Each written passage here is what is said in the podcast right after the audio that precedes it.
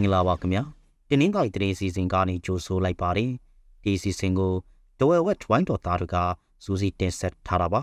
ဒီနေ့တင်ဆက်ပေးမယ့်သတင်းတွေကတော့လောင်းလိုမျိုးနေတဲ့ဂျေးရွာနေရာကအနေ30ကျော်ကိုစစ်ကောင်စီတပ်ကမီးရှို့တဲ့အကြောင်းဖက်ခိုမျိုးနဲ့ရှိစစ်ကောင်စီတပ်စခန်းကိုနှစ်ခုကိုတော်လိုင်းပူပေါင်းဖွဲ့တွေကတေယူလိုက်တဲ့အခြေအနေတို့အရှိတော်ဒေတာရှိတင်းတိုင်းမြေကြောင်းတက်လျှောက်အမဲလိုက်တာနဲ့ပစ်ခတ်တာတွေမလို့ဖို့ ကော်တူးလီတံပတော်ကတားမြင်လိုက်တဲ့အကြောင်းပေါ်ရန်သူစစ်ကောင်စီကိုတော်လှန်တဲ့နေရာမှာအထူးတကွတိုက်ပွဲဝင်ကြဖို့မွန်တော်လှန်ရေးအင်အားစုတွေကတိုက်တွန်းလက်တဲ့အကြောင်းပါဝင်ရွှေနဲ့ထိုင်ဘတ်စီအတဲကြအခြေအနေစားတဲ့တဲ့တွေကိုနားဆင်ရမှာပါစစ်ကောင်စီတပ်ကစစ်ကြောင်းထိုးနေတဲ့လောင်းလုံးမျိုးတွေကကြီးဝါနေရွာမှာနေရဲ့အတွင်းမိရှုခံရတဲ့နေ30ကျော်ရှိလာပါတယ်။ စစ်ကောင်စီတပ်ဟာဒီဇင်ဘာလ28ရက်နေ့ညနေကစပြီးလောင်းလုံးမျိုးနဲ့သုံးမိုင်ကျော်လောက်အကွာမှာရှိတဲ့စစ်ပြဲရွာနဲ့လီတော်ခန်ရွာကနေတွေကိုမိရှုခဲ့တာပါဒီနေ့ဂျိုဝဲဝက်ချ်ကပြုစုတဲ့စီးရင်အရာစစ်ပြဲရွာမှာနေငါဆောင်လီတော်ခန်ရွာကြောက်လို့ကြီးကွယ်မှာနေဆက်တက်ဆောင်လောက်မိရှုခံထားရတယ်လို့ဆိုပါတယ်ဒါပြင်အနီဝွန်ချေစီကိုအင်းရွာကိုရောက်နေတဲ့စစ်ဆောင်တွေလည်းဖမ်းခံထားရတယ်လို့ဆိုပါတယ် အဲ့ဒီတကတက်ကြီးရွယ်အုံနဲ့အမျိုးသမီးငယ်အချို့ကိုပြန်နှောက်ပေးခဲ့ပေမဲ့လူငယ်အချို့ကတော့ဆက်ဖမ်းထားတယ်လို့ဆိုပါတယ်စစ်ကောင်စီတပ်ဟာဒီဇင်ဘာလ29ရက်နေ့ကစပြီးတောင်လိုမျိုးနဲ့ထက်ကစစ်ပြေလင်းတော်ကန်ကထောင်နီကညိုကျွန်းစားတဲ့ရွာတွေကိုအင်အားလိုရင်းနဲ့စစ်ကြောင်းထိုးနေတာပါဒါကြောင့်လောင်လိုမျိုးနဲ့တဲ့ကျေးရွာ900ကဒေသခံတွေအိုးရီစော့ခွာထွက်ပြေးနေကြရပါတယ်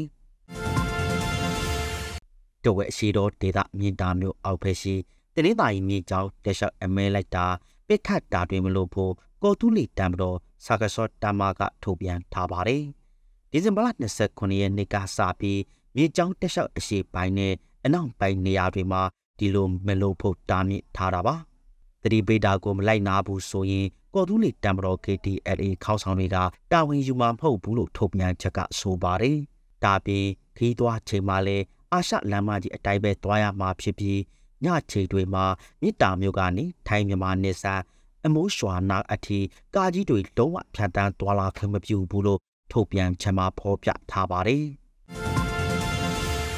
ရှမ်းပြည်နယ်တောင်ပိုင်းဖက်ခိုမြို့နယ်ရှိရွှေပြည်အေးအပါအဝင်စစ်ကောင်စီတပ်စခန်းကိုနှစ်ခုကိုဥပောင်းမဟာမိတ်တော်လိုင်းအင်အားစုတွေကတည်ယူလိုက်တယ်လို့မိုးပြဲဖက်ကိုစစ်စင်ရေးမဟာမိတ်အင်အားစုတွေကထုတ်ပြန်ထားပါတယ်။ဒီဇင်ဘာလ23 24 25ရက်တွေမှာ တိုက်ခိုက်သေးယူနိုင်ခဲ့ပြီးဖက်ခိုမြို့အဝင်အထွက်နေရာတွေကိုထိချုပ်ထားနိုင်ပြီလို့ဆိုပါတယ်။ပြည်သူတွေအနေနဲ့အခုကာလတွင်ဖက်ခိုမြို့နယ်တဲကိုဝင်ထွက်သွားလာတာမလုပ်ကြဖို့နဲ့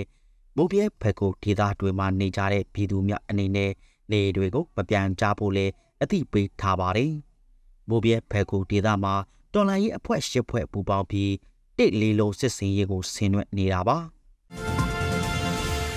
မော်လူငယ်တွေအားလုံးစစ်ကောင်စီကိုတောင်းလန်တဲ့နေရာမှာအတူတကွတိုက်ပွဲဝင်ကြဖို့မွန်တော်လိုင်းအင်အားစုတွေကမနေ့ကကြားရောက်တဲ့စနစ်ကြေမြောက်မော်လူငယ်နေ့မှာတိုက်တွန်းလိုက်ပါတယ်။မော်လူငယ်တွေရဲ့အင်အားဟာမော်တမျိုးသားလုံးလွတ်မြောက်ရေးအတွက်အဓိကကြားတဲ့အင်အားစုကြီးတရားဖြစ်တယ်လို့မွန်ပီဖရဲကောင်စီကထုတ်ပြန်ချက်ကဆိုပါတယ်။ပိုရန်သူဖြစ်တဲ့စစ်ကောင်စီကိုတိုက်ထုတ်ဖို့စစ်ကောင်စီကိုတော်လှန်နေတဲ့နိုင်ငံရေးအင်အားစုတွေမှာပါဝင်ထမ်းဆောင်ဖို့ စတဲ့အချက်တွေကိုမွန်ပြည်ဖက်ဒရယ်ကောင်စီနဲ့ရာမညဖက်ဒရယ်အင်အားစုအသစ်တွေရဲ့ထုတ်ပြန်ချက်တွေမှာတိုက်တွန်းထားပါတယ်။